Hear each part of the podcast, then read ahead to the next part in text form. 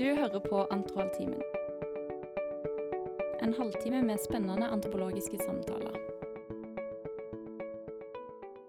Ja. Eh, så da kan vi egentlig starte. Skal vi først snakke litt om Det er mye bachelorstudenter her, så vi skal først snakke litt om hvordan det er Hvordan selve masteropplegget er liksom bygd opp. Så dere også kan få litt innblikk i det før vi begynner å gå inn i detalj på feltet. Så da skal jeg introdusere disse fine jentene her. Da har vi først Marte, som går i min klasse og er ferdig på felt. Går andreåret, altså siste semester på master. Eh, hun gjorde feltarbeid i USA eh, med vanlifers, eh, eller da folk som bor i kjøretøy eller bil. Og der leide hun seg van og kjørte rundt alene og med sine informanter. Som ledet til et veldig spennende og innholdsrikt felt. Og så har vi Camilla, som går første året på master. Um, hun har planer om å se nærmere på forhandling om arbeidervilkår innad gig economy. um, og da i Frankrike. Med dette ønsker hun å se nærmere på relasjonen mellom arbeiderne innad et selvstendig arbeidsforhold. For gig-økonomien er bygd opp at du er en selvstendig arbeids, eh, arbeider eh, som styrer helt din egen hverdag. Og da vil Camilla se på hvordan de oppretter en kontakt mellom hverandre, da, om det i det hele tatt er mulig innad en sånn økonomi. Og så er det meg. Eh, jeg går også siste året på master. Eh, så jeg har også vært på felt i, i Berlin, hvor jeg har sett på gig economy, samme som Camilla skal se på. Og der har jeg sett på hva gig gjør med vårt syn på verdien av menneske og verdien av arbeid. Ja, så da kan vi egentlig bare starte. Så har vi, vi har tatt dette her sånn halvveis hit på sparket, for vi har egentlig ikke en ordstyrer. Hun er syk. Uh, så vi, vi prøver oss litt fram. Så da tenkte vi at kanskje Camilla, som allerede, eller som nylig har vært ferdig med første, år, første semester på master, kan gå gjennom litt hvordan den startfasen er, og hvordan masteren er bygd opp. Så vær så god. Jo, takk. Um, det, ja, uh, så masteropplegget her, det er jo det er en veldig kul og spesiell master. da. Uh, for uh, man har først ett semester som er antropologisk metode og eh, prosjektplanlegging. Eh, et halvt år med feltarbeid, og deretter et helt år med skrivefase. da. Eh, så du blir veldig kastet ut i hvordan det er å være forsker, og det er ja, det virker, altså, Nå har jeg jo ikke vært på feltarbeid selv, men alle får det til. Eh, så det, jeg gleder meg selv. Um, så da er det jo fire semestre. Uh, og dersom man Og det er også mulig å ta et språksemester dersom man er interessert i å lære seg språket til det landet man skal på felt i. Jeg selv skal jo det, f.eks. Jeg skal jo lære meg fransk. Men det første semesteret her, det er jo det å planlegge et masterprosjekt det virker jo ganske overveldende også når man kommer som bachelorstudent. For det er jo litteraturbasert, og det er jo eh, Du lær, leser jo for det meste om andre sitt arbeid uten å prøve selv, men det er Altså, du kommer dit, og du har først et 20-poengsfag som er metode, og så har du et 10-poengsfag som er prosjektbeskrivelse og planlegging. Du sender inn et par eh, ords av, av interesser da, til de som er emneansvarlige og har samtale med de, og de matcher da dine interesser med en veileder som har kontroll på regionen og tematikken, da, eller, og eller tematikken. Eh, som da hjelper deg å videre planlegge det. Så det, det er absolutt overkommelig. det, ja. Da vil jeg også på en måte understreke at man får god veiledning eh, fra veileder. Eh, og man har jevnlige møter for å utarbeide eh, de ulike feltene. Så ja. Det går, an å starte, det går an å starte på en master og ikke ha en klar idé om hva du har lyst til å skrive master om. For det vil du kunne utvikle etter du har starta. Eh, I vårt kull så føler jeg det var stor variasjon med dem som hadde en veldig sånn klar idé om hva de hadde lyst til å bruke masterprosjektet sitt på, og så var det en del som ikke fant ut det for egentlig ganske nærme felt, eh, hva det var spesifikt de hadde lyst til å fokusere på. ja, du var jo i en sånn situasjon. Eh, var du ikke hvor du hadde en annen idé enn det Ja, altså, man må jo utvikle litt etter hvert. Så vi starta jo rett eh, liksom litt på slutten av at det fortsatt var mye reiserestriksjoner eh, når det kommer til covid. Så det måtte jo eh, tas med inn i planene når vi først starta den høsten. Så for min del, som hadde lyst til å eh, se på vanlife og på egentlig USA, eh, så kunne jeg ikke gå ut fra at det ville la seg gjøre når jeg først starta å planlegge, for da var det fortsatt grensene til USA stengt. Eh, så det var egentlig mot slutten av første semesteret at USA åpna grensene, og da fikk jeg liksom et par måneder på slutten til å Ja, da blir det USA, da må jeg legge om planene dit. Eh, og så tar vi det derfra. Så min Jeg hadde på en måte to versjoner av prosjektet. En som lå i Europa, som var eh, mer overkommelig hvis at eh, ting ikke skulle åpne seg. Og så hadde jeg førstevalget mitt, da, som var USA, hvis at det skulle la seg gjøre. Men det med å endre planer langs, uh, langs veien er, tror jeg de fleste lærer seg etter hvert at det er veldig normalt. Det er noe som de fleste må forholde seg til, at uh, ting uh, ikke blir akkurat sånn som man har tenkt, og så man må være litt fleksibel. Og man finner alltids løsninger. Det, det er ingen som reiser på felt og kommer tilbake med ingenting. Det, det blir alltid et eller annet, sjøl om det kanskje ikke er akkurat det du trodde når du starta. Ja, for uh, du starta jo med en, en, hvert fall en ish idé om hva du hadde lyst til å se på. Mm. Mens når jeg starta på master, så hadde jeg ingen idé. Jeg hadde sendt inn noen sånne overordnede topics som f.eks. makt og kapitalisme, og veilederne var bare sånn Nei, det her kan vi ikke hjelpe deg noe videre fra. Dette her er for stort. Men uh, da fikk jeg heller ta noen møter med noen av professorene på instituttet, som er veldig åpne for å snakke med alle. Så hadde jeg et møte med Bjørn Enge Bertelsen, hvor jeg forklarte litt igjen hva jeg er interessert i. Sånn, ja, da har vi en plan. Tar, du kan skrive om gig economy, det er interessant. Ingen av oss visste noe om det. Men uh, han hadde hørt om det. Så ja, da, da jobba vi oss litt ut ifra det, og ut ifra prøvde å finne ut ok, hvilken by er det som er interessant, hvor er det man kan dra. Du er interessert i urban antropologi. Ok, men Berlin er kult. Så da, da endte jeg opp i Berlin og, og se på gig. Så man kan også på en måte starte veldig flytende og ende på noe konkret. Det er absolutt mulig, selv om det er absolutt også anbefalt å ha en viss idé om hva, hva man vil. fordi da slipper man å møte den der veggen om at nei. ja. Så ja. ja. For min del så var jo det at um, altså På bacheloren min så skrev jeg om moderne slaveri i gullindustrien.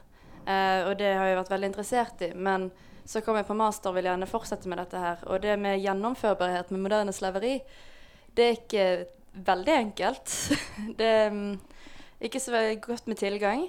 Eh, da, men det som er greia, er jo at når du kommer dit Og den ideen jeg hadde, var jo ikke nødvendigvis enklest å få til. men det er så mange ansatte på instituttet, folk som har vært gjennom feltarbeid og planleggingsprosessen, at det er Og alle vil gjerne snakke om tips og ja, eh, personlig syns jeg det alltid er gøyere å se på andre sitt prosjekt enn sitt eget. Så folk er jo absolutt eh, villige til å hjelpe og komme med ideer. Så da snakket jeg med Ida, så, ja, som dere kanskje hadde skjønt. Men, eh, og som tipset om gig economy. Og siden hun skjønte jo at jeg var interessert i arbeidsvilkår, og da tok jeg dette opp med veileder, som syntes at det var en vel, mye mer gjennomførbar idé enn moderne slaveri. Og eh, da utviklet vi et pro godt prosjekt med det. Eh, og da med, hvor man fortsatt får fokus på arbeidsvilkår, som jeg opprinnelig var interessert i. Så ja, man kan ha noen interesser og fortsette med de bare på å vri litt om, mm. på et vis. Og det med gjennomførbarhet det vil du jo få god veiledning av, mm. eh, av alle de som er på, på, instituttet, som du sier. Så alle finner fram til et prosjekt som blir gjennomførbart, og som, eh, som mm. blir bra til slutt. Ja, og så snakker vi jo nå egentlig om mellomrom. Så du mm. har jo akkurat vært i den der mellomstadiet før du skal ut på felt. Hvordan syns du på en måte den Hva er det du har gjort for å planlegge deg framover til feltet? Og hvordan, du, du skal jo skrive en prosjektskisse også. Ja, jeg må si at jeg tror kanskje jeg er litt mer avslappet enn mange, i og med at jeg har meldt meg på et språksemester. da. Eh, satset mye på at der, der skal jeg lære alt.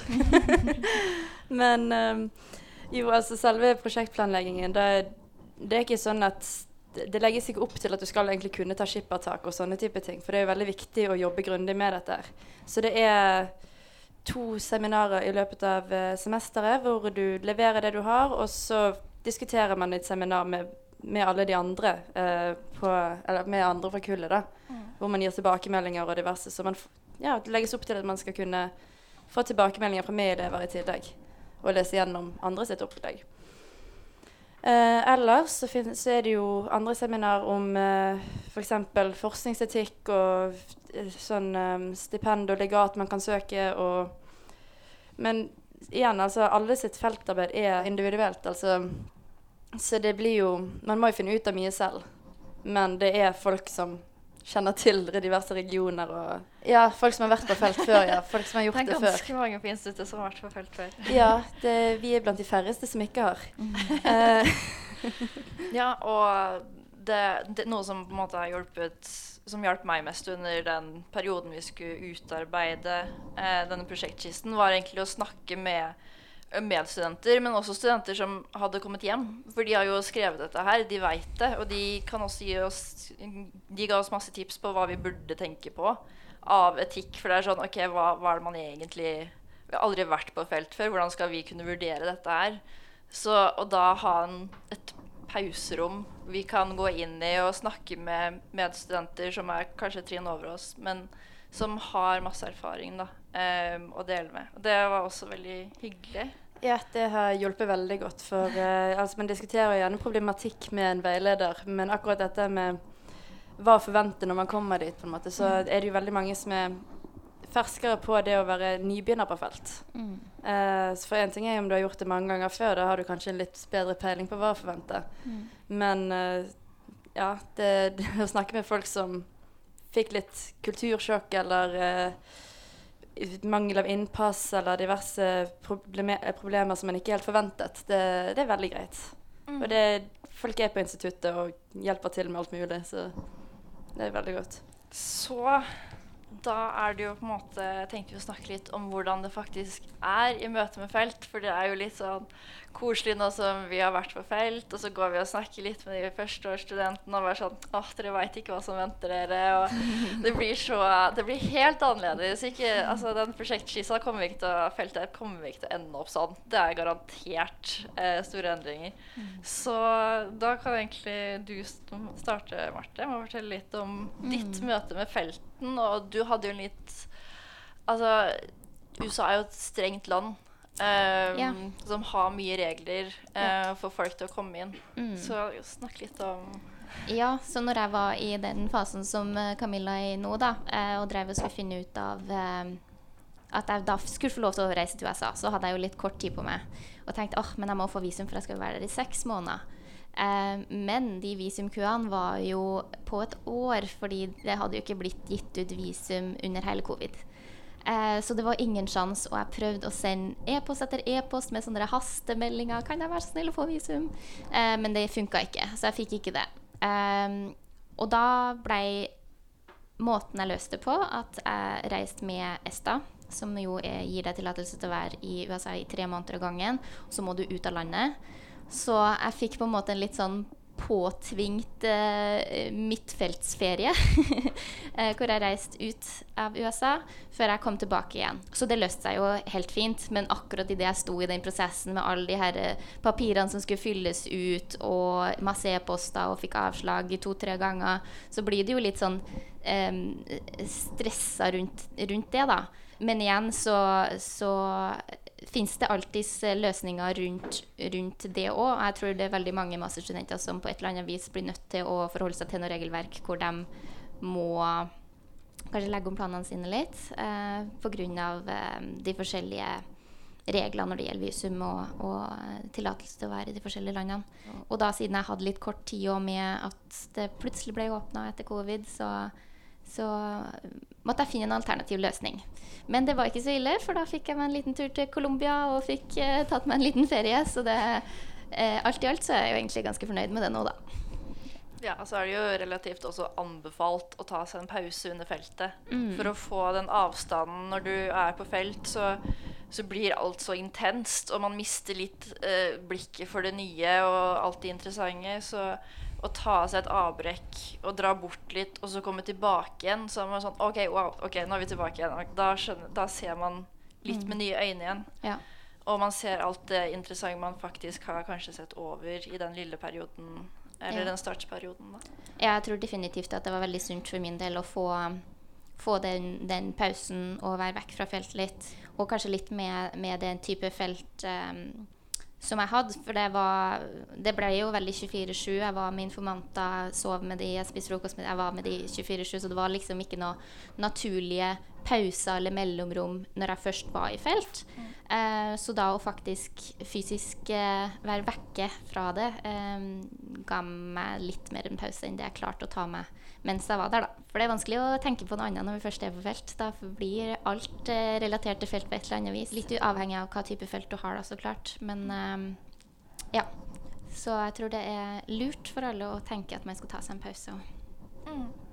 Ja, også, Du hadde jo et veldig intenst feltarbeid. Hvordan opplevde du på en måte det? Fordi du bodde jo i bil, sånn som dine informanter gjorde. Du leide deg en van. Mm, um, og lånte også en van av en av informantene dine. Ja. Um, hvordan var det på en måte For selv om du kanskje ikke var med informanter, så Ja. var du på felt fordi du bodde som dem. Og Ja. da alltid samle inn data. Hvordan opplevde du det?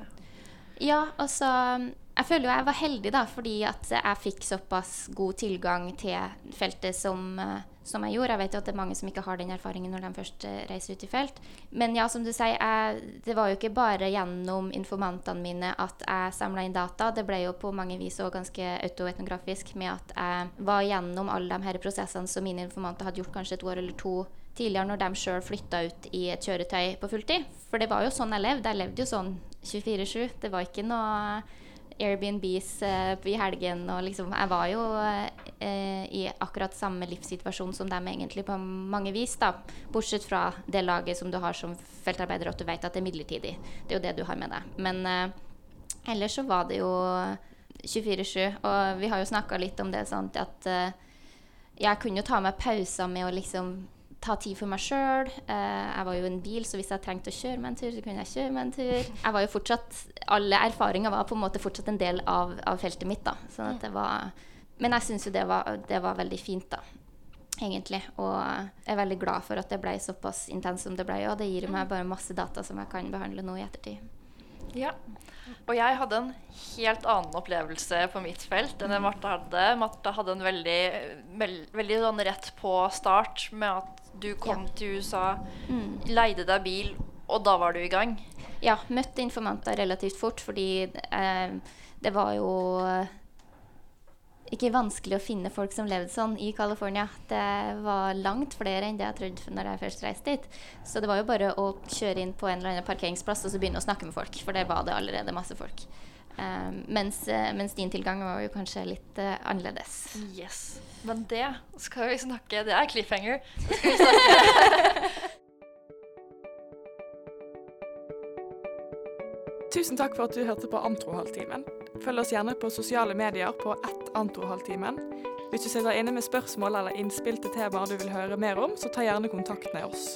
Vi ønsker også å få med oss flere folk til å bidra i podkasten, så bli gjerne med uavhengig av hvor du er i studieløpet. Ingen forkunnskaper er nødvendig, så det er bare å ta kontakt.